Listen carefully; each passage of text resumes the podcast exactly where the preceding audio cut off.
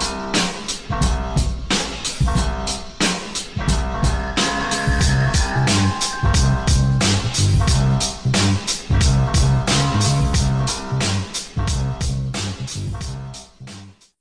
Finishing ekibinin hazırlayıp sunduğu NBA Podcast'i Triple Double hepiniz hoş geldiniz değerli basketbol severler. Bugün yine tam kadro olarak karşınızdayız. NBA'in geleceğine dair e, küçük ipuçları almaya başladık ve e, haber selerinde de aynı şekilde e, bazı kaynaklar artık yer almaya başladı. NBA'deki bu sezonun nasıl tamamlanacağına dair koronavirüsün etkilerinin de yavaş yavaş etkisini azaltmasıyla birlikte. Arkadaşlar hoş geldiniz. Öncelikle nasılsınız diyeyim. Daha sonrasında NBA'yi konuşalım sizinle. Hoş bulduk. Hoş bulduk abi. İş hayatı, ofisler, geri dönüş. Yavaştan başladı herhalde. Aynen aynen. Ama tedirginlik psikolojisi var ya. Böyle herkes odada maskeyle falan. Enteresan bir dönem ya. Abi bu bence en çok uzun bir sürede geçecek gibi değil. Yani maske takmayanlara falan böyle şeymiş gibi böyle orta çağda vebalı biri görmüş ya da cüzdanlı biri görmüş gibi bakıyor insanlar. Yani ben markete gittiğimde falan böyle çok bayağı gözlemleme şansım oldu. Çok kötü yani maske takmayıp çıkanlar hem zaten kendi sağlıklarına zararlı işin farklı boyutu da e, diğer insanlar tarafından resmen dışlanıyorlar indirekt olarak. Yani haklılar abi. Abi şeyi yok ya. E, ilacı olmayan bir hastalık yani. Dolayısıyla kaçınmak gerekiyor abi. Yani mecburen zaten e, hani bu yeni yaşamada adaptasyonu ben daha uzun bir süre alacağını düşünüyorum. Yani herkesin bu normalleştirme çabaları biraz daha sürecektir gibi geliyor bana. Ben de mutfaktaydım abi. Kısır yaptım. Ama yani yiyemeden daha tadına bakamadan programa girdik. Program ben yani e, evde devam iş güç şeyleri benim evdeki yaşantımı çok etkilemedi şu ana kadar. Yani bundan sonra da bir süre daha böyle aynı devam edeceğim herhalde. Ya ofise geçiş benim açımdan da şu an henüz e, yani mevcut planlar içinde yer almıyor. Home office çalışabiliyoruz ama muhtemelen bizim de yavaş yavaş önümüzdeki haftadan itibaren geçiş olur diye tahmin ediyorum. E, bugün bir haber listelerinin hepsini zaten değerli takipçilerimiz görmüştür bunu. Açıklama yer aldı. NBA'deki e, 2020 sezonu nasıl geçeceğine dair, bu sezonun bitişi nasıl olacağına dair çok büyük muamma vardı. Biz genel itibariyle hani oynanır mı oynanmaz mı şeklinde ki düşüncelerimizi yorumlamıştık daha önceki programlarda. Fakat e, şimdi 22 takımdan oluşan ve e, normal sezonu 8 maçta sınırlayıp ondan sonra playofflara geçeceği bir sistem tasarısı göz önünde bulunur ESPN'in haberine göre. Batı'dan 13 tane takım, Doğu'dan da 9 takımın katılacağı böyle küçük bir mini turnuva gibi bir başlangıç. 8 maçlık normal sezon. Akabinde de gelişecek olan playoff serüveni bizleri bekliyor olacak. Temmuz'un sonunda 31 Temmuz gibi başlayıp e, Ekim'de bitmesine karar verecek diye e, haberler yer alıyor. Dolayısıyla Ekim'de bitmesinin de e, sebebiyle birlikte önümüzdeki sezonun açılışı, 2020 sezonun açılışı da Aralık ayına sarkacaktır diye tahmin ediliyor bununla beraber. Oral abi senle başlayalım. E, sen bu yeni düzen hakkında, NBA'in 2020 sezonunun tamamlanması hakkında e, bize ne söyleyeceksin abi? Valla bir şekilde e, sıra dışı bir senaryo altında sıra dışı çözümler ortaya çıkmak durumundaydı. Bir şans ki NBA organizasyonu için Las Vegas ve Orlando seçenekleri Doğu ve Batı'da senaryoyu kurtarabilir ya da işte sadece Orlando'da bütün NBA'in sezonu götürmesi ihtimali var. Bir şekilde e, NBA bu krizi imkanlar dahilinde bence iyi yönetiyor. Bu play-in sistemi de mantıklı. Zaten kimse neden batıdan 13, doğudan 9 kardeşim doğuya bu yapılır mı falan demeyecektir. hani işin içinde ne bileyim abi Portland Trail Blazers, New Orleans'la işte New York Knicks'i, Atlanta'yı falan kimse bir tutmuyordur.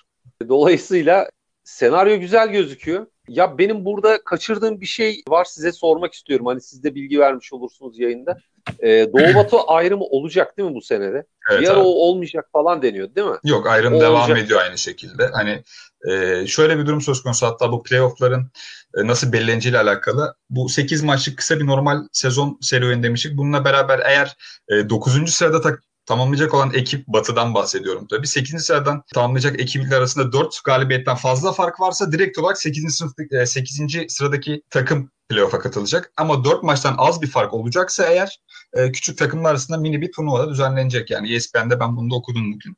E, böyle bir durumda söz konusu ama hani senin söylediğine cevaben Doğu ve Batı ayrımı hala devam ediyor. Herhangi bir fark yok. Bence aslında bütün senaryoları konuşmuşlardır mutlaka yapılan toplantılarda. Ben şeyi de bekliyordum hani bu sezona özel zamanda bizdeki o playoff kabusunda yapıldığı gibi sadece bir sezona özgü tabii NBA bizim TFF gibi işleri tırnak içinde dahi yani şekilde götürmüyor. Onlar daha kendi tarzlarında götürüyor. E, birden 16'ya direkt sıralanır mı ihtimali de bir ara masadaydı. O olsa çok değişik bir şey olurdu. Büyük ihtimal beklenmedik bir NBA finali olabilirdi. Belki finali iki batı takımı oynayabilirdi ama o zaman tabii onlarda şey var ya doğu şampiyonu, batı şampiyonu. O şampiyonlukları korumak istediler diye tahmin ediyorum. Valla bence şu ana kadar alınan kararlar gayet mantıklı. Bir de NBA'in hakikaten şansı Vegas ve Orlando seçenekleriydi. Ki Orlando'da başlayacak sezon. E, orada gidecek. ESPN dinlenme tesislerinde artık bakalım sezonu gö- götürecekler ama şey de çok enteresan olacak. Hani hangi takım ne kadar hazır, hangi takım ne kadar değil. İşte mesela hep şey bilinir ya playoff modunu açan oyuncular vardır. İşte playoff'a kadar rutinde götürür, playoff'larda açılır. Şimdi onların da rutin sezon formu sakatlandı. Herkes işte playoff'a performans olarak zirvede girmeyi planlıyordu ama öyle bir şey olmayacak. Herkes acayip geri gitmiş olabilir. Hem seyircilerin olmamasından hem de oyuncuların performansının bilinmezliğinden dolayı çok fazla sıra dışı sonuca gebe bir süreç bekleyeceğiz diye düşünüyorum. Abi teşekkürler değerli yorumların için. Ee, yani zaten ben çok kısa bir es verip böyle bir araya girip e, Gökhan'a söz vermek istiyorum. Hani kimsenin zaten zannediyorum e, herhangi böyle yüksek kaliteli basketbol beklentisinin çok olacağını zannetmiyorum ve hani daha ziyade böyle artık hani kazanalım da şu sezon bitsin de gidelime doğru kayabilir gibi geliyor bana sanki kendi açımdan naçizane. E, Gökhan senin de düşüncelerini alalım abi. Sen bu geri kalan dönem için bize ne söyleyeceksin? Bu dönemde bizi neler bekliyor sence? Şöyle gireyim ben. Önce Doğu ve Batı'daki takımları şöyle yani 8 ve altındaki takımları sayayım. 9 olarak Doğu'da Washington Wizards var. Batı'da ise e, Blazers, Pelicans, Kings, Spurs ve Suns var. E, şimdi burada bahsettiğimiz gibi hani Doğu Batı playoff'a giriş e, durumlarını ben oralı bir dediğine hani şöyle e, katılıyorum. Bunu değiştirirlerse sadece bu senelik değiştirmezler. Hani bundan sonra hep öyle olur. O yüzden hani o topa bu sene girmemişlerdir muhtemelen. Hani bundan sonrası ne olur e, konuşuyorlardır muhtemelen ama e, bundan sonra göreceğiz onu. Enteresan bir play-in sistemi olacak. Burada playoff yarışının dışında kaldığını düşünen takımlar da belki hani son bir gayretle kendilerini tekrar playoff yarışının içinde bulacaklar. Çünkü birkaç takım önünüzde olduğu zaman dört maçlık bir arayı kapatmanız çok kolay değil ama işte bu tarz mesela Oral abinin dediği gibi yine Türkiye'deki süper final sisteminde atıyorum puanları yarıya inmişti. Hani bir şekil orada öne geçmek hani biraz daha kolaylaştığı için burada da o şekil yani normal sezon seyrinde devam etse playoff'a giremeyecek takımlar bile playoff'a girme hakkını kazanabilir. Yani playoff hakkını e, kazandıktan sonra yani onları çok iyi şeyler beklemeyecek tabii ki Lakers veya Clippers gibi takımlarla eşleşecekler ama e, deneysel bir sezona tanıklık edeceğimizi düşünüyorum bu takımlar açısından ve oynanacak maçlar açısından. Takvimin sarkması konusunda ise şöyle 31 Temmuz'da başlayacak sanırım 8 maçlık normal sezon dönemi ve ondan sonra 8. sıradan playoff'a girecek takımları belirledikten sonra e, komple sezon 12 Ekim'de bitecek. Ve yeni sezonun başlaması Christmas dönemine falan sarkacağını düşünüyor. NBA'in bir süredir bu takvimi e, ayarlama isteği konuşuluyordu. Yani normal sezon başlangıcını biraz daha öteleyip işte oradaki diğer major sporlarla çakışmaması için NFL gibi, e, MLB gibi liglerle ve onların biraz ekmeğine yağ sürmüş ve bunları hani hazırlaması için ortam oluşturmuş olacak. Bakalım göreceğiz. Söyleyeceklerim şimdilik bu kadar. Abi teşekkürler e, değerli görüşlerin için. Uğurhan son olarak senin de NBA'in geleceğine dair e, değerli yorumlarını dinleyelim abi. Ondan sonra da programın akışına göre yapacağımız konseptle devam edelim istersen. Abi teşekkürler. Ya açıkçası ligi çok özledik. Oklahoma Utah maçıydı sanırsam. Oynanacağı sırada gelen iptalden sonra daha NBA'de maç izleyemedik. Sezon ne olur, nasıl şekillenir, oynanır mı, oynanmaz mı, bu süreç uzar mı derken ilk olarak seyircisiz şekilde normal sezonun ve playoffların tamamlanması fikri konuşulmaya başlandı tabii. Ee, bu durum şöyle bir sonucu da doğurdu. Takım idmanları ve bireysel antrenmanlar işte bu virüs ortamında nasıl olacak, sporcu sağlığı nasıl korunacak diye düşündü herkes.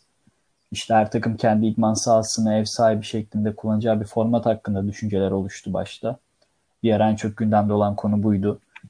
Ama sanıyorum akla yatmayan kısımlar vardı ki bu durum kabul edilmedi. Özellikle seyahatler kısmında büyük soru işaretleri olduğu için gündem dışı kaldı bu konu. Çünkü eğer bu karar alınırsa yanlış hatırlamıyorsam mesela Petrali Miami takımıyla seyahat etmeyeceğini açıklamıştı. Zaten seyahatin bu virüs ortamında çok zor olduğunu hepimiz biliyoruz. İşte en son Haziran ayının yapılan toplantıda 4 senaryo vardı. İşte birincisi şu anki takımlarla direkt playoff. Çok sıcak bakılmadı ona. İkincisi bu Oral abinin dediği e, kısım var. Doğu Batı'yı kaldırıp 20 takımlı grup formatı. İşte birinci torba, ikinci torba, beş torbaya bölüp 20 takımlı bir grup formatı düşünüyorlardı. E, üçüncü olarak 22 takımlı playoff takımlarının belirleneceği turnuva formatı. Son olarak da 30 takımlı 72 maçta tamamlanan sezon ama tabii bunları TV gelirleri, işte reytingleri, gelirlerini de düşündüğümüzde en doğru kararı vereceklerini düşünüyorum. Bence bunlardan en akla yatkın olanı 22 takımlı playoff takımlarının belirleneceği turnuva formatıydı. Çünkü batıdaki playoff yarışının içerisinde aktif olan takımlar var. Doğuya nispeten burada yarış sürüyor. Biz bu hale ligi kabul edelim direkt playofflara geçelim fikrini ben sıcak bulmuyordum açıkçası. Çünkü batıdaki yarış ortada. 20 takımlı grup formatı ve sadece 72 maçlık normal sezonun tamamlanması da içerisinde playoff sistemi olmadığı için bence istenen bir şey değildi. Hem biz NBA severler olarak da en keyif aldığımız şey konferans mücadeleleri ve playoff kapışması. O yüzden bu 22 takımlı playoff takımlarının belirleneceği format en ideal seçenek olarak görünüyor. Ya senaryoların hangisi olur resmi olarak açıklanmadı herhalde yanlış bilmiyorsam ama yani çok özledik bir şekilde tekrar kavuşalım. Senaryoların hangisi olur önemli değil. 31 Temmuz yine nereden baksan iki ay hasret kalacağımızı gösteriyor. Ama en azından kesin olarak başlayacağını bilmek bile bir teselli. Yani rekabet ve mücadele bence döndüğünde yine en üst düzey olacaktır ama tabii ki yani bazı başlıklar var önemli olan işte sağlık, işte seyirci durumu, mekanlar, işte gelir. Bunlara göre ekstra olarak maç takvimi ve gelecek sezonun durumu. Bakalım bekliyoruz ama herhalde dönecek artık yani NBA bir şekilde başlayacağını düşünüyoruz. Abi teşekkür ederim sana değerli yorumların için. Yani son söylediğine katılmamak elde değil artık hani şartlar ne olursa olsun insanların e, sağlığı tehdit altında olmadığı sürece ben artık dayanamıyorum yani NBA'sizliğe. Ciddi anlamda beni e, kendi hayatımdan da soyutlamaya başladı. Yani böyle zaten hani Gökhan'la ben biraz bu konuda benziyoruz. Böyle genel itibariyle gece oturup sabah uyuyan insanlar olduğumuz için e, hani gece sürekli olarak böyle direkt olarak NBA üzerinden şekilleniyor. Hani koronavirüs öncesindeki her gece bu şekilde e, oluyordu ve hani 3 aylık bir ara ciddi anlamda bana çok fazla gelmeye başladı. Kaç sene, bir 10 seneden fazlalık bir sürenin ardından beni çok fazla gelmeye başladı. Artık bence de hani gelsin ve bir an önce ve programımızı da bu minvalde ilerletelim diye düşünüyorum. E, şimdi bizim aslında e, programın... Abi ben yani tam e, şeyde fantazilikte tam şampiyonluğa gidiyordum. Başımıza ne geldiyse benim yüzümden geldi yine. Sen geçen de bu arada yaptığımız programda dördüncü sıradan draft edeceğim diyordun ama yine üç yaptın Gökhan. Galiba işler biraz hizmetin açılmaya başladı gibi geliyor bana. Ya bu sene sene başından beri biliyorum canım. Bu onunla alakası yok. Ama yavaş yavaş yani 4 3 2 bir iki sene so iki sezon sonra bir draft podcast çekersek birden seçmeye e, yaklaşacağım gibi Tabii diye düşünüyorum. Yani. ayıp ediyorsun. Verelim sana birincisi de çok önemli bir geçen ben seçmiştim. yok ya. Ee, şimdi normalde bugün programımızın konusu sezonu şimdiye kadar yani e, ara verilmeden önceki döneme kadar olan e, ödülleriydi. Fakat ben geçmeden önce e, sezonun geleceğiyle alakalı sizden birkaç kehanet duymak istiyorum arkadaşlar. Yani şöyle e, hani kim şampiyon olabilir? Bu koronavirüsten sonraki basketbol süreci kimi daha çok etkileyecektir sizce göre? Hani e, menfi müspet olarak yani fark etmiyor. Olumlu olumsuz. Kimi daha çok etkiler? E, bu konudaki düşüncelerinizi merak ediyorum. Burada da Gökhan seninle başlamak istiyorum. Hani tabii ki hiçbirimizin az önce söylediğim gibi e, çok yüksek beklentilerle kaliteli basketbol düşüncesiyle izleyeceği bir durum söz konusu değil. Hani 3 aylık ara hem sporcuların mental hem fiziksel durumları hem maç temposuna adapte olmaları hem takım uyumu gibi birçok etmeni etkiliyor dolaylı ve doğrudan olarak. Hani yüksek beklentilerimiz yok ama sadece böyle biraz e, geleceğe dair baktığımızda gelecek programlara konuştuğumuzda keyifli anılar olması açısından bu sezonun geleceğiyle alakalı kehanetler istiyorum abi senden. Önce şöyle başlayayım. Yani mesela Bundesliga başladığı için hani onların değişimini görebiliyoruz. Korona öncesi ve sonrası. Şimdi NBA'de bildiğim kadarıyla takım halinde veya belirli bir grup halinde antrenman yapılamıyor. Birebir e, antrenmanlar hani biri girip biri çıkıyor gibi e, çalışabiliyor oyuncular.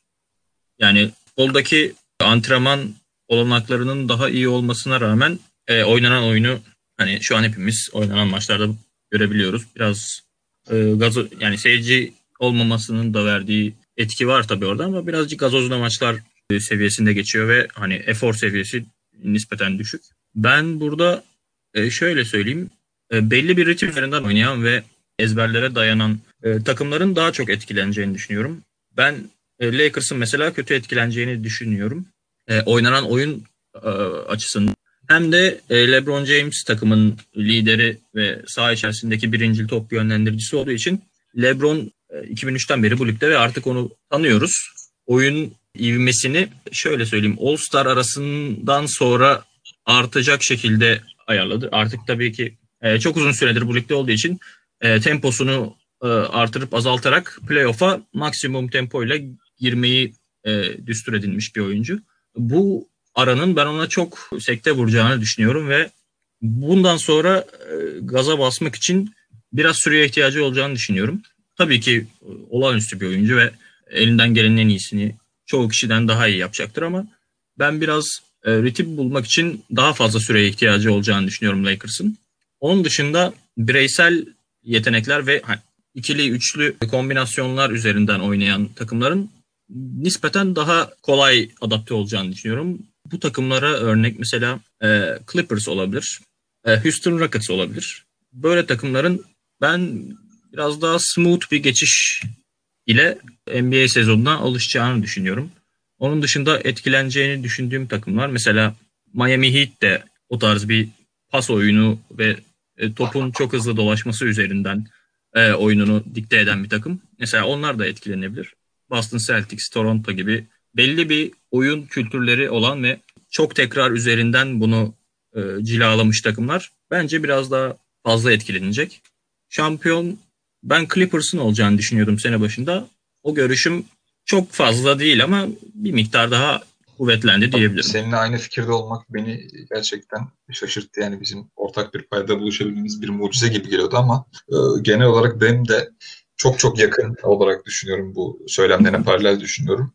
Yani form durumlarıyla alakalı benim de söyleyeceğim şeyler vardı. Hani bu ara gelmeden önce form durumunu gerçekten vitesi çok yükselten bir Lakers vardı ki e, Milwaukee Bucks'ı falan yenmişlerdi en son.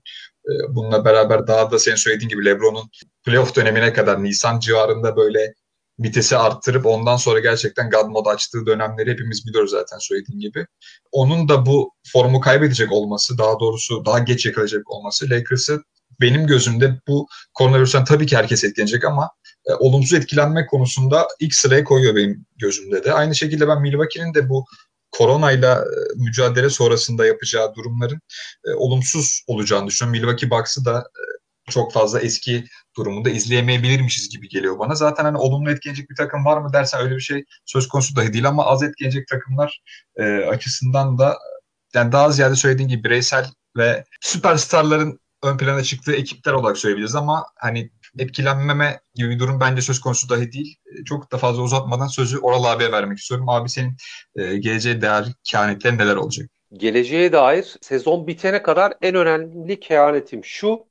Kawhi Leonard bir daha load management yapmayacak ve 8 maçın 8'inde oynayıp inanılmaz bir şekilde üst üste maç oynama rekoru kıracak diye düşünüyorum. Onun için tabii muazzam bir başarı. Üst üste 8 maç oynamak öyle tahmin ediyorum. ee, ya on, onun haricinde şöyle bir şey var. Şimdi işin tabii geyiği bir tarafa tam bir kaos ortamı olacak. Çünkü belli bir düzen üzerinde kendi standart planlarını uygulayıp başarıya ulaşan ya da ulaşamayan takımlar ayrışıyordu. Ama şimdi öyle bir kaos ortamı var ki belirleyici bence birkaç temel öğe var.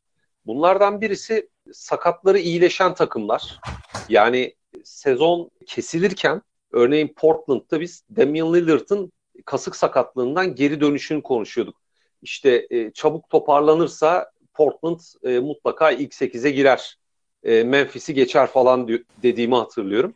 Damian Lillard hazır. Ya John Wall bile hazır ya. Yani e, istese, istese Kevin Durant bile oynayabilir. Yani o derece artık sakat kalmadı. Yani Kyrie Irving bile muhteşem şekilde hazır olduğunu Eyşan. söylüyor. Yani Kyrie Kardashian ya o direkt dramaların yani. Taçsız kralı. hani şey çok fazla sakat oyuncu şu an sağlam olarak geri dönüyor. Bunlar bizim aklımızdaki o son standart şablonların dışında değişkenler yaratacak. Ubre Junior mesela. Aynen. Yani Kelly kardeşim bu arada. Evet ya ben gerçekten bu arada severim yani görev adamı olarak. iyidir. Abi gerçi yani menisküsten dönmek tabii çok kolay değil değil mi? Abi şey ama %100 sağlam döneceği eğer açıklandıysa e, bir şekilde onun varlığı Phoenix için bayağı şey tutkal görevi gören iyi bir roldü. Hatta hücumda gereğinden fazla aktif bir rol veriyorlar ona. Hani burada bir sistemsizlik, kaos hali sorun olabilir ama bence burada avantaj sağlayacak mesela takımlardan birisi bence Houston Rockets. Neden diyeceksiniz? E, Mike D'Antoni sürekli belli adamları 40 dakika, 42 dakika, 43 dakika oynatıyordu ve bu adamlar 82 maç oynayıp playoff'a gebermiş şekilde giriyordu ki hani hatırlarsanız şey diyorduk. Abi PJ Tucker ya. Yani bu adama bir şey olursa e, ne yapacaklar bu adamlar diyorduk. Hop adamlar aşırı dinlenmiş bir şekilde hiç yorulmamış bir şekilde yani hatta James Harden bayağı homeless'a dönmüş. O da enteresan bir tip. Böyle hiç değil diye. Gördünüz bilmiyorum. Bir böyle tövbe estağfurullah bir haller olmuş yani Houston'a. Şey ama e, adamlar hakikaten e, 42-45 dakikalık yoğun maçlar oynamayacakları için bence tam bu döneme full kondisyonla fişek gibi giriyorlar. Ya bence bu Houston lehine e, gerçekten bir değişken olabilir. Onun dışında mesela ben beklenmedik e, iş yapabilecek takımlardan birisi olarak Toronto Raptors'ı görüyorum. Çünkü Toronto bir sistem takımı ve e, kaos ortamında tutunacak dalı bir çapası olan, ne yapacağını bilen sistem takımlarına ben her zaman kıymet veririm. Milwaukee bence sallanabilir çünkü onlarda bir psikoloji vardı. Hani biz eze eze geliyoruz. İşte tabii ki lig birincisi olacağız modundaydılar. Hani biraz sallanırlar mı bilmiyorum ama onlar biraz sallanır. Indiana hani o mesela Oladipo'nun adaptasyonunu varsayarak avantajlı olacağını düşündüğüm takımlardan ama Philadelphia birkaç program önce Üstad Kaan Kural buraya geldiğinde de ben fikrimi söylemiştim. Philadelphia bence en çok sarsılacak takımlardan birisi. Adamlar kendi evlerinde ligin en iyisi. Yani iş deplasmana döndüğünde direkt şey böyle Chicago New York seviyesine falan iniyorlar. Yani seyirci desteğine playoff maçlarında işte defense diye bağıran o Philadelphia'nın fanatik seyircisine her zaman ihtiyaç duyuyorlar. Özellikle bu sezon daha çok ihtiyaç duyuyorlar.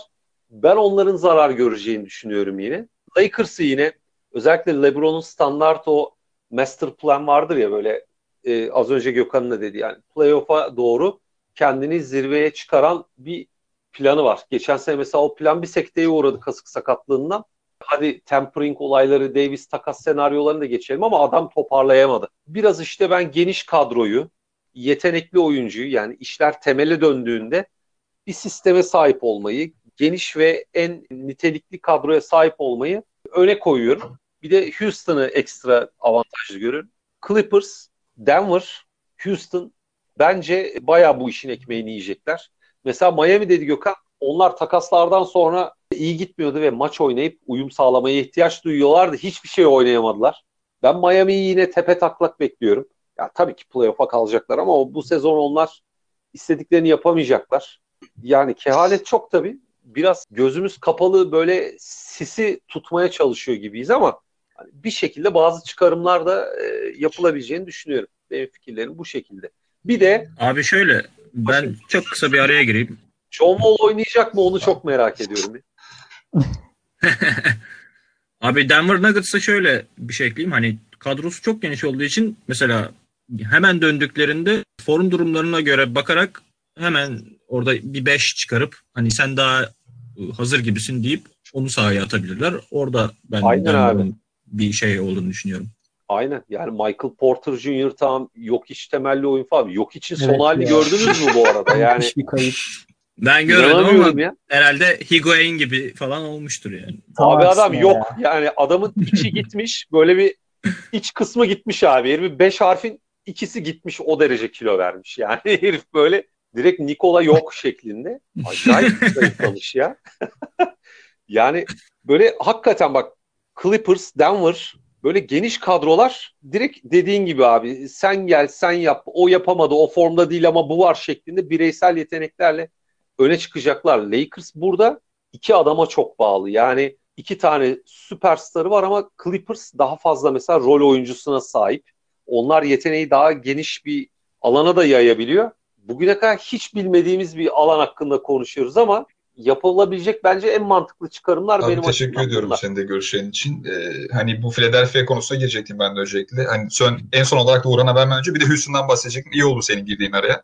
Abi Houston'ın e, o bahsettiğimiz bütün süper yani süperstar demeyelim aslında bütün e, ana etmendeki oyuncularının 40 dakika civarı oynaması ve Houston Rockets'ın bu seneki son takastan sonra pivotsuz olması. 5 numaralarında PJ Tucker'ın oynadığı bir iki takımdan bahsediyoruz. Yani 40 dakika oynaması onları öldürecekti. Ben de onları olumlu olarak e, alacağım kategorideydi onlarda. Bir de Philadelphia konusunda e, senin de bahsettiğin gibi 3 hafta önce Kaan abiyle yaptığımız programda da Kaan abi e, biraz da hani olumlu olabileceğini söylemişti Philadelphia açısından. Kaan abiyle yaptığımız programda Kaan abi, Gökhan ve Uğurhan olumlu olacağını söylemişler. Ben bu konuda senin aynı fikirdeyim bu arada. Ben de Philadelphia'nın seyircisiz oynanacak mücadeleler konusunda kaybeden tarafta olacağını düşünüyorum. Form açısından e, düşüşte olacağını düşünüyorum kendi adıma. E, son olarak da benim şampiyonluk adım sezon başında hani daha hiç maçlar oynanmamışken e, Los Angeles Clippers'ta ama çok trajik bir Kobe Bryant sonundan sonra e, ve LeBron'un ne kadar sahiplendiğini daha sonrasında da görmüştük aynı şekilde. Hani LeBron faktörüyle beraber Lakers'a geçmiştim. E, benim düşüncem hala bu sezon e, yani bir şampiyon olacaksa o kupanın sanki yüzü aynı şekilde e, Los Angeles Lakers'a daha yakın olduğu yönünde devam ediyor. Son olarak Urhan senin de yorumlarını alalım abi. Abi teşekkürler. Valla Gökhan genel anlamda Oral abi de takım bazında bence çok iyi kehanetlerde bulundu. Abi benim çok fazla burada ekleyecek bir şeyim yok. Ben Clippers'ı çok avantajlı görüyorum bu durumda. Çünkü Batı'da onları en çok zorlayabilecek takım Lakers'tı. Ee, sağ ve seyirci üstünlüğü genelde Lakers'ta oluyordu o maçlarda. Artık Lakers bunu kaybetmiş olacak. Bir de tabii şu genel çerçeveden bakarsak takımların hepsi bu duruma hazırlanıyordur illaki seyircisiz oynamayla ilgili hepsinin bir planı vardır. Mental anlamda ve fiziksel anlamda kendilerini hazırlıyorlardır ama şöyle genel anlamda elimizde hiçbir veri olmadan baktığımızda kadro derinliği burada en önemli şey olacağı benziyor. Ben Lakers'ın batıda üstünlüğünü kaybedeceğini düşünüyorum. Başlarda ben de Clippers'ın şampiyon olacağını düşünüyordum sezon öncesinde kurduğu kadro ve oyun anlayışı olarak ama Lakers'ın tabii Kobe Bryant'ın vefatından sonra biraz daha LeBron James'in duygusal davranması ve tabii ki playoff modunun farklı oynaması nedeniyle. Ama ben artık Batı'da tamamen Clippers eksenli bir şampiyonluk düşünüyorum. Doğu'da ise kestirmesi bence güç. Dediğimiz gibi Philadelphia konusu ayrıldığımız en büyük nokta ama genel anlamda hepsini olumsuz etkileyecek. Boston'ı da çok olumsuz etkileyecek bahsetmedik ama onlar da seyirciyle bütünleşen bir takım.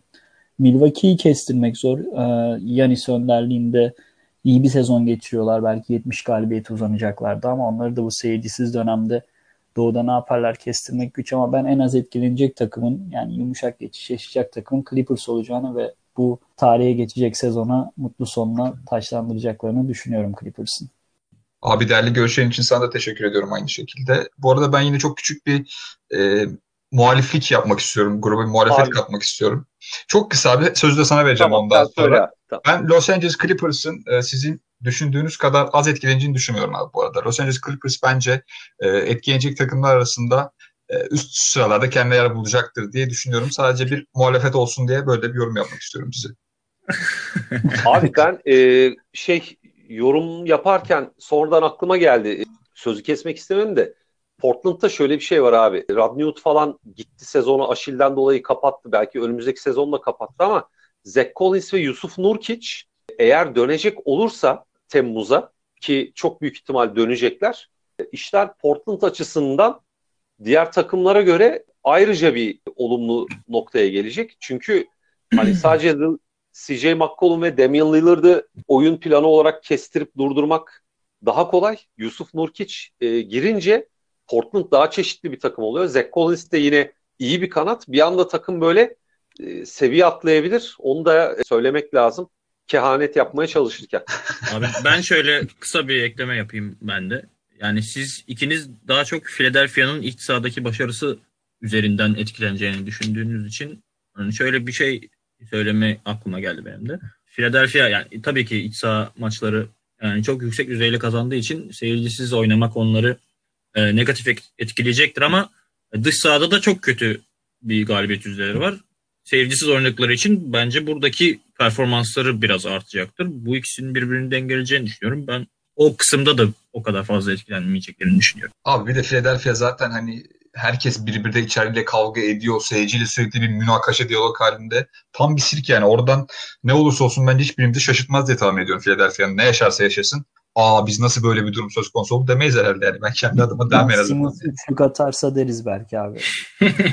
Ona bile demem ya. O kadar böyle büyük bir hani kaotik bir ortam orası yani. Abi Ben Simmons üçlük attığında ben işte şey ekranındaydım. Fantazi ekranındaydım. Saadet'ten. Ee, orada orada yani 3 sayılık isabet sayısı 1 artınca önce bir gözlerimi ovuşturdum yani böyle saat 5 F5'e civarı mi olması böyle? lazım. Dedim ki doğru mu görüyorum falan diye. Sonra maç böyle bir 10-15 saniye geriden geliyordu. Hani bu tarihi olaya tanıklık etmek için tabii ki açtım böyle arkama yaslandım. Abi o seyircilerin çıldırması inanılmaz komik ya. Ben ciddi anlamda şey gördüm de arkamda alkışlayan falan böyle taraftarları gördüm. Yani yeter artık attın oğlum helal olsun gibilerinde. Tabii tabii tabii. Ee, Şimdi abi asıl konumuza gelelim ve e, programımızın son bölümüne de başlayalım isterseniz. Yine tercihler üzerinden gerçekleşecek. E, Toplam 6 tane ödül dağıtacağız sezonun şu ana kadar olan ki bölümüyle alakalı. E, En değerli oyuncu MVP, kendini en çok geliştiren oyuncu, sezonun 6. adamı, yılın defansif oyuncusu, yılın koçu ve yılın çaylağı şeklinde. Ben e, MVP'den başlamak istiyorum. İzin verirseniz kendimden başlayayım bu sefer. Çünkü e, geçen haftaki draft seçiminden sonra bugün bana bir yüklenme olacak diye tahmin ediyorum. Özellikle e, bu söyleyeceğim tercihten de sonrasında. E, o yüzden hemen böyle sıramı savayım. Ondan sonra bütün eleştirilere tek başıma göğüs gereyim istedim. Naçizane kendi adıma. Şöyle diyorum. Sezon MVP'si benim adıma Yanis Antetokounmpo. Madem böyle Kim diyorsun. seçti? Geçen hafta kim seçti? Tamam abi müsaade et bana. Bak bitireyim ama. Bak, Doğru diyorsun abi. Sezonu şu ana kadar bana kalırsa LeBron gerçekten çok vites arttırmıştı son dönemde ama sezonun başından bu koronavirüs sebebiyle e, verilen araya kadar ciddi anlamda yani Antetokounmpo bana kalırsa çok çok çok hak ederek e, MVP benim gözümde kendisidir. E, şundan dolayı diyeceğim hani geçen hafta biraz Jerry Krause'luk yaptık tabii GM e, olduğumuz için takımımızın e, geleceği ve hidayeti bizim açımızdan önemliydi. O yüzden kralı seçtik istikrarlı performanstan dolayı ama e, bu sezon hani burada LeBron deseydim gerçekten Yanis'e çok büyük bir e, ayıp etmiş gibi hissedecektim kendi adıma. Dolayısıyla ben e, MVP'm olarak da Yanis Antetokounmpo'yu diyorum ve Urhan senin MVP'ni dinlemek istiyorum abi. Abi MVP yarışı en çok tartışılacak konulardan birisi olacaktır. Yani bir tarafta Doğu Konferansı'nı kasıp kavuran Yanis, diğer tarafta lige girdiğinden bu yana tartışılmaz bir oyuncu olan, işte yıllar geçtikçe üstüne koyan bir LeBron James var. Demeyeceğim çünkü NBA se- MVP seçildiği sezonun da üstünde bir performansı var Yanis'in. Yani açık ara Yanis'i herkes MVP seçecektir.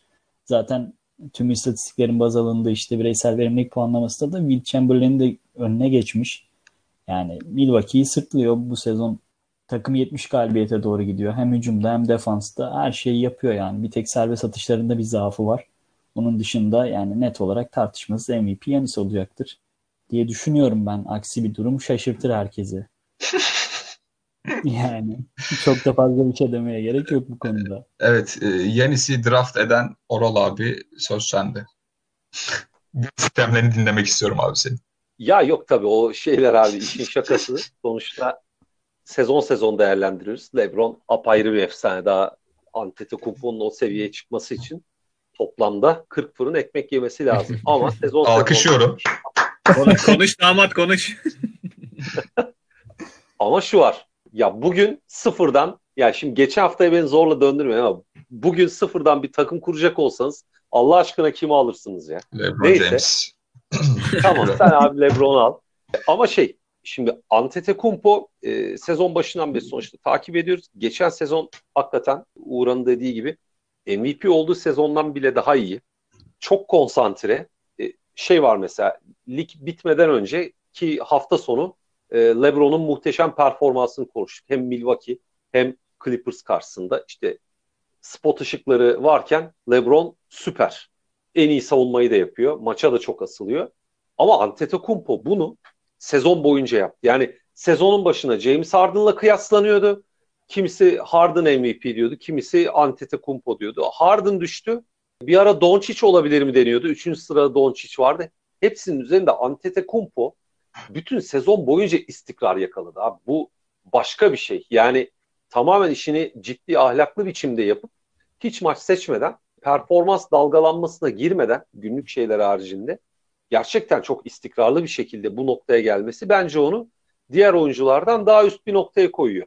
LeBron hani basın medya gücüyle bu işe acayip asıldı. Daha önce de bunu söyledim hani e, programlarda.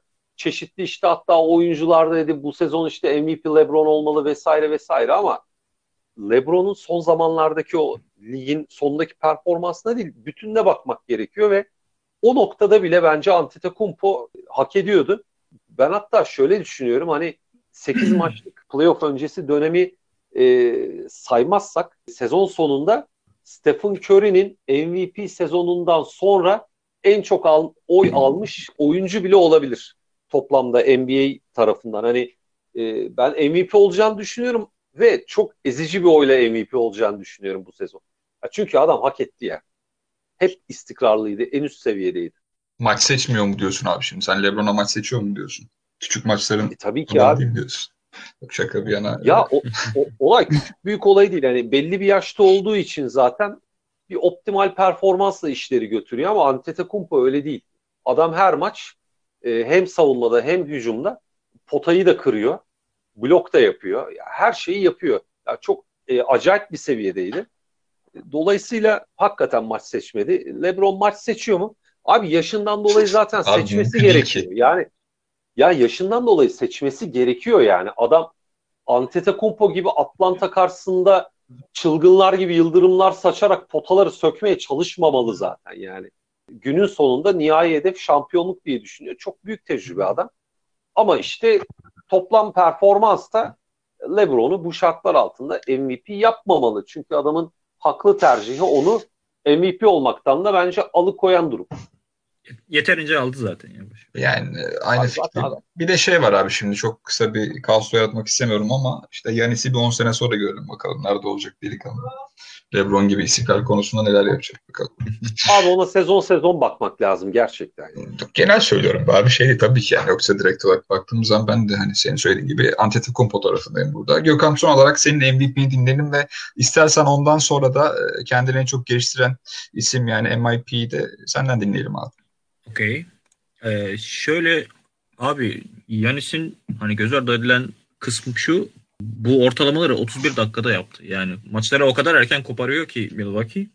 Hani oynamasına gerek bile kalmadan kenarda havlu sallıyor. Yani bench'ten giren oyuncuların yaptığı smaçlarda zıplıyor falan. Terlemeden 30-15 6 yapıyor. İnanılmaz bir performans. Söylenecek çok fazla bir şey yok. Oral abinin dediği gibi. Önce başlarda Harden'la çekişir gibi oldu. O Harden'ın çıldırıp hani 2-3 maçta bir 60 attığı bir dönem vardı. Orayı geçti. Daha sonra Doncic biraz performansını arttırdıktan sonra hani onunla çekişir mi acaba falan diye konuşuyorlardı ki hani öyle bir durum yoktu bile o zaman. Son dönemde de işte LeBron performansını arttırdıktan sonra bu muhabbetler tekrar açılmaya çalışıldı ama Yanis'in bütün sezondaki inanılmaz istikrarlı üst düzey performansı kıyas kabul edecek gibi değil. Ben de Yanis diyorum MVP için. Ee, MIP'de burada aday olabilecek bir iki isim var. Ben İkisini söyleyeceğim önce önde gördüğüm ve sonra hangisini seçtiğimi söyleyeceğim. Siakam ve Adebayo arasında e, geçeceğini düşünüyorum ben bu yarışın en azından. Çünkü e, inanılmaz bir e, atılım gösterdiler. Ben burada oyumu Pascal Siakam'a vereceğim. Çünkü Kawhi'nin gittiğinden sonra e, performansını inanılmaz artırdı. Yaptığı bütün işlerde kendini üst bir üst seviyeye hatta iki üst seviyeye çıkardı bazı alanlarda hiç şans verilmeyen bir Toronto'yu doğuda ikinci sıraya kadar taşıdı. Tabii ki bunda Nick Nurse'ün de e, inanılmaz payı var. Ve o yaratılan güzel ambiyansın da payı olduğunu inkar edemeyiz ama e, ben Pascal Siakam'ı bir adım önde görüyorum bu yarışta. Abi teşekkür ediyorum sana. Ben de e, sözü Oral abi vermeden önce kendi yorumumu yapmak istiyorum kısaca. E, ben hani biraz daha böyle sevdiğim için vereceğim böyle. Yoksa dediğin gibi birkaç aday sayabilirdik bu listenin içerisinde ama ben de e, hem gücünü hem pasörlüğünü ben gerçekten çok beğenirim ve çok fazla da söylendiğini düşünmüyorum aynı şekilde diğer durumlarda, diğer özelliklerinde de iyi bir savunmacı, çok çok iyi bir savunmacı. Benim oyun burada e, Bam Adebayo'ya gidecek biraz. Hani dediğim gibi duygusal sebeplerden ötürü gidecek biraz ama e, Bam Adebayo benim 2020 sezonu için MIP adayım olarak gözüküyor. Oral abi istersen senin fikirlerini dinleyelim abi. Ya ben şöyle çok kısa ekleyeyim. Yani bence de Bam Adebayo ödülü alacak ama Siakam o inanılmaz yaptığı atlamanın üstüne bir adım daha attı. Ben bunu da Kesinlikle katılıyorum abi. Yüzde yüz aynı fikirde. En çok gelişim gösteren oyuncu aslında bu sene renkli bir e, ödül alanıydı. Sezon başı ilk böyle maçlar oynanırken ben direkt şey diyordum abi Devonte Graham alacak abi yani adam Charlotte'ı playoff'a sokacak. Neler oluyor kim bu adam falan diyordum. Ama o tabii istikrarını sürdüremedi. Ee, yoksa onun ilk çıkış hikayesi bence çok iyiydi. Yani o devam etse kesin alırdı. Ama dediğim gibi sallandı. Bence Siakam aynen e, Gökhan'ın dediğine katılıyorum. Belli bir basamağa çıktıktan sonra daha da üstüne çıkabilmek aslında iki kat, üç kat beceri, efor, yetenek istiyor. E, Siakam bunu başardı ama Pascal Siakam zaten belli bir seviyeye geldiği kanıksanmış bir adamdı. Dolayısıyla Bam Adebayo'nun yaptığı bence daha bir MIP ruhuna uygun bir sıçrayış. E, zaten o Miami'de geçen sezon istediği tam ortamı bulamamıştı. Hani Whiteside gidince tam böyle tamam arkadaşlar çekilin şimdi başlıyorum ortam oldu ve bunun hakkını verdi. Bir rol oyuncusuyken böyle ortalama vasat bir adamken bir anda All-Star oldu. Tamam bunu Siakam da yaptı ama Siakam zaten geçen sene çok fazla ışık saçmıştı. Bama Debayo o yüzden bence de ödülü alacaktır. Ama sezon başından beri devam edebilseydi işte Graham bence ödülü alacak kişiydi. E, o tam şey hikayesi yani hiçlikten çıkıp yıldız olan adam o hikayesi o olacaktı. En çok hak eden bence Pascal Siakam ama konjonktürel olarak e, Bama Debayo bence de alacak. Dolayısıyla da ben de ondan yana oy veriyorum. E, ben buraya bir de hani Uğran'a sözü vermeden önce sezon başında kafamda hep bir şey vardı. Brandon Ingram vardı. Yani Ingram da bu sene bu işi yapabilir mi, yapabilir mi, yapabilir mi diye. Ama hani sezon geçtikçe bu e, Pascal Siakam ve Bam Adebayo ikilisi gerçekten söylediğiniz gibi e, çok fazla söz, saz ellerine aldılar ki Bam Adebayo'nun göstermiş olduğu gelişim ve az önce Oral abin de bahsettiği gibi Whiteside sonrasında Miami pota altını domine edecek isim olarak e, sahneye çıkması ve Miami'nin gerçi Doğu her ne kadar çok çok böyle üst düzeyde playoff yarışı bize ihtiva etmese de Miami'yi üst sıralarda tutması Bam Adebayo'yu benim gözümde biraz da duygusal sebeplerden dolayı öne çıkardı. Uğurhan şimdi senin yorumunu dinleyelim. Ondan sonra da istersen 6. adamda da yine aynı şekilde sana devam edelim abi. Tamamdır. Benim bu kategoride 3 kişilik bir listem vardı. İşte bir de yine Bam Debayo ilk sıramda yer alıyordu. İki de Brandon Ingram vardı. Üç de Pascal Siakam yer alıyordu bende. Ama ben Bam Adebayo'dan yana kullanacağım oyumu. Yani çok adayı olan çok adayı olan bir alan burası. Ya bu nedenle şöyle sezonun geneline baktığımızda Ingram'dan ve Pascal Siakam'dan bir adım öne koyuyorum Adebayo'yu. Yani çünkü sene başında bu seviyeye gelmesine pek ihtimal verilmiyordu. Siz de zaten özetlediniz durumu ama beklentilerin çok çok üstüne çıktı. Yani Pascal Siakam biraz daha kendini ispat etmiş bir oyuncu olduğu için biraz gerilerde bıraktım onu. Ya bir önceki sezon bench oyuncusuyken bu sezon All-Star olması ben, ben de Bam Adebayo'yu ön plana çıkaran özellik oldu. O yüzden tercihim kendisinden yana oldu. En iyi 6. adam ya burada da en çok ayrılacağımız alan olabilir. Yani en iyi 6. adam seçim benim en zorlandığım seçim. Belki sizde Deniz Şöder bir numaradır ama ben geçen haftadan da kalma Derrick Rose diyebilirim. Yani takım kötü ama kişisel olarak iyi bir sezon geçirdi bence. Yani Deniz Şöder de diyebilirdim. O da bu yıl kenardan gelip maksimum verim veren oyuncular başta geliyor ama aklıma çok bir isim gelmedi. O yüzden en iyi 6. adamda da Derrick Rose'dan yana kullanacağım oyumu. Abi teşekkürler. Söylediğin gibi katılıyorum ben de buna. Bu biraz ayrılacağımız bir seçim olabilir. E, ben de çok fazla sözü uzatmadan e, senin söylediğin gibi Dennis Schroeder'a oyumu kullanacaktım zaten. Oklahoma City'nin bence gerçekten çok çok çok üst düzey performansının e, altında atan önemli etmenlerden bir tanesi Dennis Schroeder'dı benim gözümde kendisiyle hani birkaç muhabbet etmişim de vardı Euro 2017'de Türkiye'de yapılan şeylerden dolayı. Çok samimi, çok sıcakkanlı bir insan olduğunu düşünüyorum ve hani bunda da yine aynı şekilde biraz duygusal sebepler de var ama hak etmediğinde asla düşünmüyorum bu arada. %100 benim oyum Deniz Schroeder için gidecek. E, Oral abi sendeyiz. Şimdi en iyi 6. adam için aslında buna Lou Williams ödülü. E, NBA Lou Williams özel ödülü. Aynen öyle abi. Lou Williams Sixth Player of the Year diye e, şey yap, düşünecek olursak e, valla benim 6. adam ödülüm Montrezl Harrell'a gider. Schroeder'le ikisinin arasında çok kaldım. Ancak Montrezl Harrell şampiyonluk kovalayan bir seviyede yani Schroeder'den daha üst, daha zor bir seviyede bayağı savaşçı bir şekilde çok istikrarlı tırnaklarıyla kazıyarak gerçekten güçlü bir fayda vererek ve onsuzluk yani Montrezl Harrell'ın yokluğunu takımı için hayati bir yokluk haline çevirerek e, bence bu ödülü alıyor. Deniz Schroeder hani 3 kartlı sistemde Oklahoma'da e, sezon başı beklenmeyen e, bir şekilde işte e, 6. adam oldu. E, Chris Paul'la vesaire işte uyumu iyi. Faydalı demek hani zaten şey e, yetersiz. Gerçekten bayağı iyi iş yapıyor ve Montrezl Harrell örneğinde olduğu gibi bazen 6. adam olmak e, oyunculara daha çok yarıyor.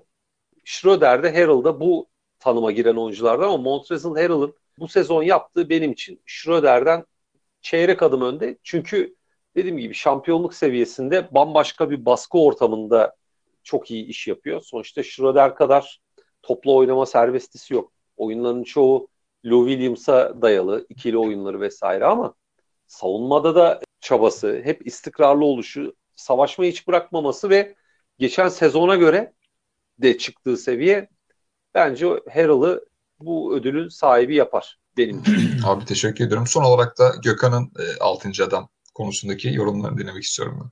Benim 6. adam ödülüm abi Deniz Schroeder'e gidecek. Çünkü e, Montrezl Harrell burada kendi takımı içerisinde sayarsak Lou Williams'ın önünde ama e, şöyle Deniz Schroeder'in sene başında hiç beklenmeyen bir Oklahoma performansıyla karşı karşıyayız ve o oradaki 3 kart sistem e, içerisinde şey Gilgis Alexander ve e, Chris Paul'la olan o uyumu, oradaki e, sinerjisi ve pas oyununa yaptığı etki, işte drive edip dışarıyı bulabilmesi, kenardan girip penetre kanallarını inanılmaz kullanıp potaya gidebilmesi. Bence bir adım öne koyuyor. Çünkü e, Montrezl Harrell ne kadar inanılmaz bir performans sergilese de bazı maçlarda mesela 30-15 falan yaptığı e, maçlar olduğu için ben onu biraz daha akılda daha fazla kaldığını düşünüyorum belirli performanslar dolayısıyla. Tabii ki o da inanılmaz bir performans sergiledi ve e, Clippers'ın içerideki e, gücü olmaya devam ediyor. Edecek gibi de duruyor. Çünkü yani Subats'ın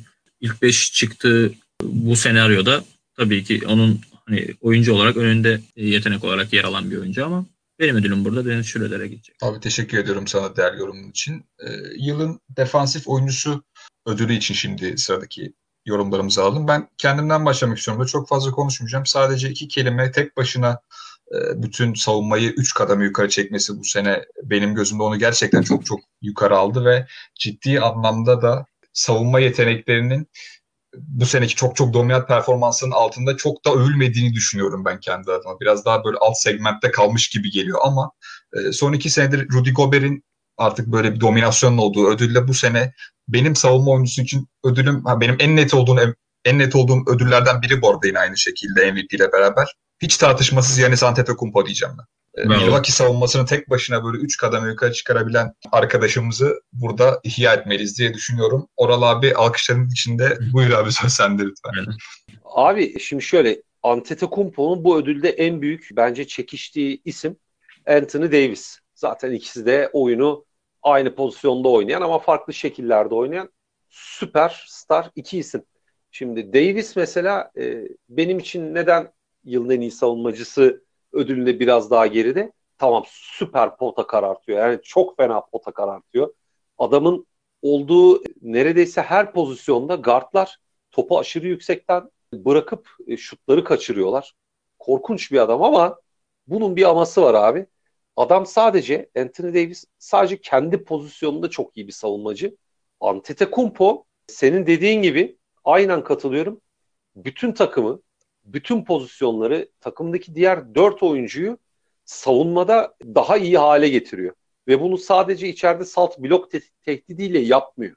Her yere yetişiyor. Ve bunu sezon boyunca yaptı.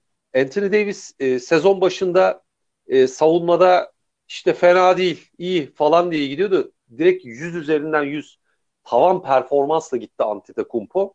Davis'in yaptığından biraz daha fazlasını MVP yarışında dediğim gibi sürekli en baştan hiç durmaksızın yaptı ve bambaşka bir seviye. Adam yani takımının da açıklarını pozisyon pozisyon farklı pozisyonların savunma açıklarını falan kapatıyor. Çok istisnai bir olay. Ya bu Rudy Gobert'in de yapmadığı bir şey. Antetokounmpo hakikaten basketbol tarihinde enteresan bir yere gidiyor ya. Daha nereye kadar gelişecek bilmiyorum ama bence de yılın savunmacısı ödülünde yaptığı şeylerin çeşitliliği, istikrar ve yüksek seviyesiyle bunu kesinlikle hak ediyor. Abi öyle bir fiziksel yapısı var ki bu adamın yani ben sonunun nereye gidebileceğini ciddi anlamda şey yapamıyorum, kestiremiyorum senin de söylediğin gibi. Bir de bu adam bunun üzerine bir de şut eklediğini Abi- düşünsen abi. Onu diyecektim yani bir de %50 ile şut atsa Kapat. tamam abi kapatın gidelim Abi yani. üç, üçlüğünü geliştirdi görece ama tabii ki yani çizgiden serbest atış çizgisinden çok hala istenilen seviyede değil. Gökhan senin açından yılın savunma oyuncusu e, ödülü için böyle bir şüphe var mı yoksa sen de bizimle aynı fikirde misin merak ediyorum abi. Şüphem yok abi tabii yani NBA'in birinci sırasındaki takımın birinci sırasındaki savunmacısı gece kartalı gibi pot altında dolaşıyor ve gelene geçene kabus gibi çöküyor adam yani. Çok fazla söylenecek bir şey yok. Aynen. Kesinlikle katılıyorum abi. Uğurhan son olarak senin de aslında biraz da böyle bu yorumlar hani şey gibi öylesine yapıyormuşuz gibi oluyor. Bu ödül için konuşuyorum. Defansif oyuncu olarak konuşuyorum. Ha, biraz öylesine gibi oluyor ama bir şekilde bunları da yorumlamak zorundayız. Uğurhan sendeyiz abi. Abi ben de aynı şekilde Enis zaten her şeyi söylediniz. Bir tek rakam olarak bileyim. Ligin defans reytinginde de lider 96.5 ortalaması var. Savunduğu oyuncuları sadece %36 başarıya sahip. Yanis karşısında hücum yaparken. Ya onun dışında ben Jordan ve Hakim gibi onun da hem MVP hem de yılın savunmacısı olacağını düşünüyorum. Abi teşekkür ediyoruz. Hazır sen de böyle gaza basmışken ben sözü senden almak istemiyorum. Yılın koçu ödülü için de yorumlarını dinleyelim abi. Ha, yılın koçu ben bir numarada Nick Nurse'a yer verdim. İki, numara, iki numarada Miami'nin koçuna Spoelstra'ya yer verdim. Üçte ise Billy Donovan var. Ama Nick Nurse diyeceğim çünkü kadro olarak çok fazla eksik parça varken bu takımı doğuda yarışın içinde tutması, işte kadrodan maksimum verim alması, takım mentalitesi olarak üst seviyelerde kalması. Yani siz bekliyor muydunuz Toronto'dan yine böyle bir çıkış bilmiyorum ama saha içinde oynadığı oyun olarak değişkenli ve akıcı olması yani hem pres, hücum, defans anlamında bir bütün halinde hareket etmeleri ve temelde eksik parçaları işte kadro yapısına rağmen maksimum verim alması nedeniyle Nick Nurse'u bir numaraya koydum. Yani şöyle de bir not düşeyim. Yani koç kısmında elimde Lakers, Milwaukee ve Clippers kadar parçası olmamasına rağmen çok iyi işler çıkartan koçları tercih ettim. Yani değişebilir tabii ki ama Nick Nurse benim için yılın koçunda favori adayım diyebilirim. Abi teşekkürler. Ben de kısaca kendi yorumumu yapmak istiyorum müsaadenizle. Aslında ben son dakika gerçekten 5 dakika öncesine kadar şu an hani benim gözümde yılın koçu kim olur acaba sorusunun net bir cevabım yoktu. İki aday arasında gidip geliyordum sürekli olarak. Nick Nurse senin de söylediğin gibi benim ilk adayımdı. İkinci olarak da hani gerçekten artık 70 galibiyete doğru gidiyordu eğer lige ara verilmeseydi ve gerçekten böyle bütün maçları 3. çeyreğin sonlarına doğru bitiriyorlardı neredeyse. O yüzden hani Mike Budenholzer da acaba hani bu listeye girebilir mi, gidemez mi gibilerinden bir düşünüyordum ama e, benim de oyun söylediğin gibi çok fazla ana etmen oyuncular olmasına rağmen ve takımının geçen seneki süperstarını kaybetmesine rağmen Toronto'ya bu kadar üst düzey performans gösterebilme becerisine sahip Nick Nurse e, benim açımda çok böyle kısa bir farkla benim açımdan da yılın koçu adayları listesinde zirvede yer alıyor. Oral abi senin de görüşlerini dinleyelim. Sen bir sürpriz yap lütfen abi. Sen bizim hocamızı Brad Stevens'ı yavaştan böyle bir öv lütfen. Tam önce Brad Stevens söyleyeyim sonra ödülü vereyim o zaman. Ayıp, ayıp oluyor bunlar. Ya şöyle- ama.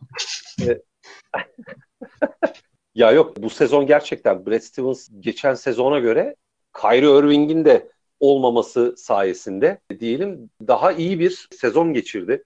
Burada artık onun sayesinde mi ya da onun şansı mı bilmiyorum ama Jalen Brown ve Jason Tatum'un geldiği nokta hani yumurta tavuk hikayesi hangisi bilmiyorum.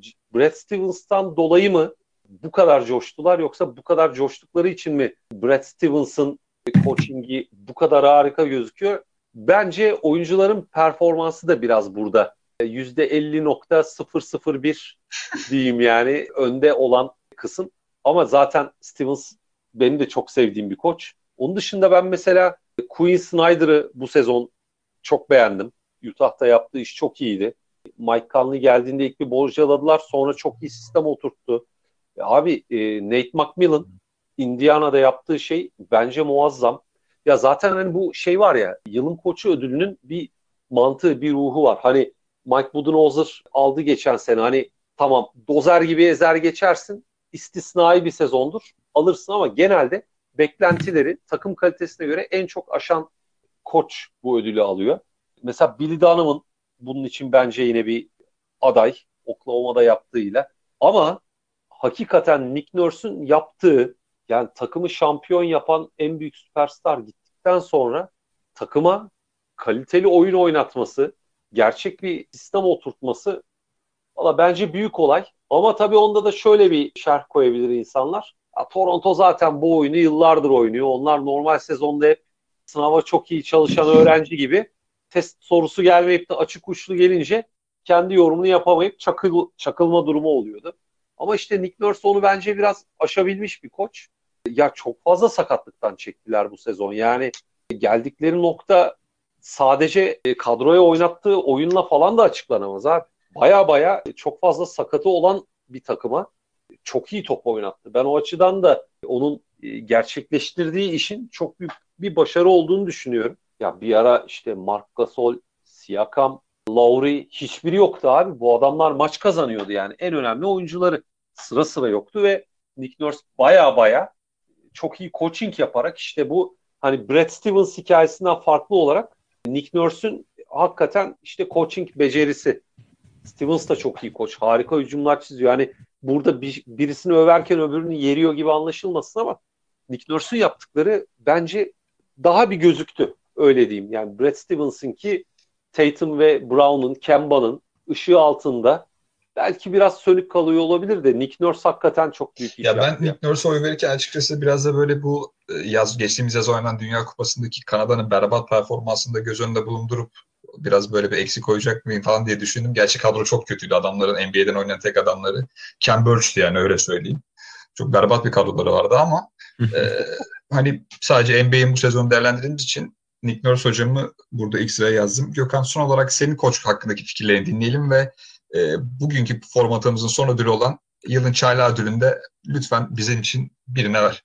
Ee, Benim de oyun Nick Nurse'e gidecek abi çünkü dediğiniz gibi Kawhi ayrıldıktan sonra bu takım yani playoff'a girer mi seviyesinde gö- görüşler hani Toronto Raptors için. Doğu'da ikinci sıraya taşıdı bu takımı. İnanılmaz sakatlıklarla baş ettiler. Yani takımdaki her majör oyuncu orta düzeyde bir sakatlık yaşadı bu sene. İşte oyun içindeki müdahaleleri çok yerinde. E, işte Dallas maçında mesela 3. çeyrekte 30 sayı gerideyken maçı almalarını örnek gösterebiliriz burada. E, mikro koçluğu çok e, üst düzey şekilde yapabiliyor. Oynattığı oyun göze hoş geliyor ve takımdaki oyunculardan maksimum verim alma noktasında istediğini yapabiliyor. E, ben de Toronto'nun performansını da göz önünde bulundurarak e, oyumu Nick Nurse'e vereceğim. E, yılın çaylağı ödülü de e, listedeki en kolay sahibine gidecek ödüller arasında başı çekiyor bence. Ja Morant'in sezon başından beri gösterdiği performansla çok bir rakibinin olduğunu düşünmüyorum. E, Memphis'i şaha kaldırdı. Hatta şu an yani e, Jaren Jackson Jr. ile beraber bir playoff iddiası varsa bu takımın başrolünde Ja Morant var. Takımı oynatan hem de şutunu atmaktan da çekinmeyen. Sezonun başında üçlü yüzdesi biraz daha arka plandaydı. Yani düşüktü ama e, şutunu geliştiriyor gün geçtikçe. E, bundan bir iki sene sonra çok daha üst düzey bir oyuncu olacağını düşünüyorum. Yılın çaylağı ödüllü. Benim için Zion Williamson'a burada cevap hakkı doğdu. Bu kadar net veriyorum ödül dediğin için. İstiyorsa eğer programımıza hemen bağlanabilir abi. He, hemen bağlansın. Kupayı takar yollarım hiç. Öyle 20 maç oynayıp ödül almak. Evet, açıklaması vardı bu arada Zion Williamson'ın bu sene. Ben Jean Morant'tan daha fazla hak ediyorum yılın çaylağı ödülünü diye. Öyle bir açıklaması da vardı. Ee, çok kısaca ben de kendi yorumumu yapmak istiyorum. Benim de ödülüm direkt olarak e, Jean Morant'e gidecek. Bu hani söylediklerinin yanı sıra takımın Memphis'i sahiplenmesi ve bu takas döneminde Iguodala ile olan böyle muhabbetleri, münakaşaları, takımın ben süperstarım, süperstar olacağım artık Memphis'i e, sırtıma taşıyacağım gibilerinden e, yaptığı açıklamalar ve bu liderlik ruhu benim açımdan çok çok önemliydi. Ben hani genç basketbolcularda çok fazla e, görebildiğimiz şeyler değil bunlar. Hani gerçekten çok özel bir karaktere sahip değilse çok sık rastlanan durumlar değil. E, ama Jean Morant bu karaktere sahip olduğunu, bu duruşa sahip olduğunu fazlasıyla gösterdi ki dediğim gibi özellikle o Iguodala'nın yaptığı terbiyesizliklerde, e, verdiği tepkilerde çok çok yerindeydi bana kalırsa. Benim de oyum hiç kuşkusuz Jean Morant'e gidecek burada. Oralar söz sende. Evet ya bu sene en iyi çaylak ödülü aslında Ja Morant'e gidiyor ve beklenmedik şekilde gidiyor. Çünkü Zion Williamson eğer sağlıklı bir sezon geçirseydi en azından bir 50 maç falan oynayabilseydi zaten adam tren gibi, lokomotif gibi bir şey hype treniyle alır götürürdü. Çünkü NBA'in gelecek 10-15 yılı için en çok gazlanan isimdi ve NBA o adamı bir şekilde en iyi çaylak yapardı. NBA müesses nizamı diyelim. Ama Jamorant'in bu sezon mevcut koşullar altında yaptığı hakikaten emsalsiz. Yani Miami'nin çaylakları iyiydi. Tamam eyvallah ama Jamorant'ın yaptığı şey bir franchise'ı alıp kendi omuzları üzerinde sıfır noktasından playoff potasına çıkarmak. Tamam hiçbir oyuncu tek başına bunu yapmıyor ama Jamorant'in yani sonuçta başka oyunculardan da destek alıyor ama Jamorant bunu sağlayan temel unsur ve bunu çaylak olarak yapıyor. Ve bu, bunu batıda yapıyor. Yani üst üste bu e, doneleri koyduğumuzda Morant'in yaptığı şeyler çok özel. Ayrıca onun o patlayıcı oyuncu profili, şimdiden oturmaya başlayan lider kişiliği ve Jamorant böyle bir trash talk pis bir lider değil. Dozunda sert. Mesela onunla aynı jenerasyonun yani bir yaş, iki yaş işte aynı jenerasyon olarak sayalım. Öne çıkan kısalarına baktığımızda ben mesela Jamorant'i Trae Young'a her türlü tercih ederim. Ya da Jamorant'i artık ondan iki sezon daha tecrübeli olsa da bugüne kadar koydukları ile geleceğe bir kestirim yapmak açısından mesela Sacramento'daki işte De'Aaron Fox'a tercih ederim. Adam baya baya iyi ve gerçek bir franchise player olduğunu gösterdi, olacağını gösterdi. Hani o istatistiklerden bağımsız lider profilde çok iyi bir oyuncu. Çaylak duvarını da bu sezon pek de aman aman çarpmadı bir iki maç dışında. Çok net, çok böyle hani yabancı tabirle böyle crystal clear, net yani Camorant. Yani dediğim gibi Zion Williamson eğer bir 50 maç oynasa Patrick Ewing'in zamanında yaptığı gibi işte o da 50 maç oynayıp en iyi çaylak ödülünü alırdı. Çünkü Zion Williamson iyi bir oyuncu olmanın dışında NBA için farklı amaçlara haiz bir adam ama geçelim abi. Net yani Antetokounmpo'yu MVP ve işte en iyi savunma ödülü için ne kadar net koyuyorsak bence Camorant da yani tartışmasız abi tartışmasız. Abi Camorant sevginin bu kadar düzeyde olduğunu ben kendi adıma bilmiyordum bu arada. Darren Fox'un falan yerine tercih etmeler falan. Hoşuma gitti yani şey değil bu tipte bir adamı. E, bence de yüceltmemiz gerekiyor. Karakter açısından söylüyorum özellikle. Üvey evlat muamelesi görüyor ya o Memphis yani. O Memphis'i bile böyle şey yapıp sırtına alıp e, götürmesi çok Aynen. çok da anlamlı bizim gözümüzde de aynı şekilde. Abi yorumlarınız için çok teşekkür ederim size. Ağzınıza sağlık. Sezonun şu ana kadarki ödüllerini bugün takdim ettik kendi açımızdan değerli dinleyicilerimiz ve bununla beraber NBA'deki gelişmeleri yorumladık. E, Triple Double'ın bu haftada sonuna geldik. Hepinize sağlıklı günler diliyoruz efendim. Hoşçakalın. Hoşçakalın. Hoşçakalın.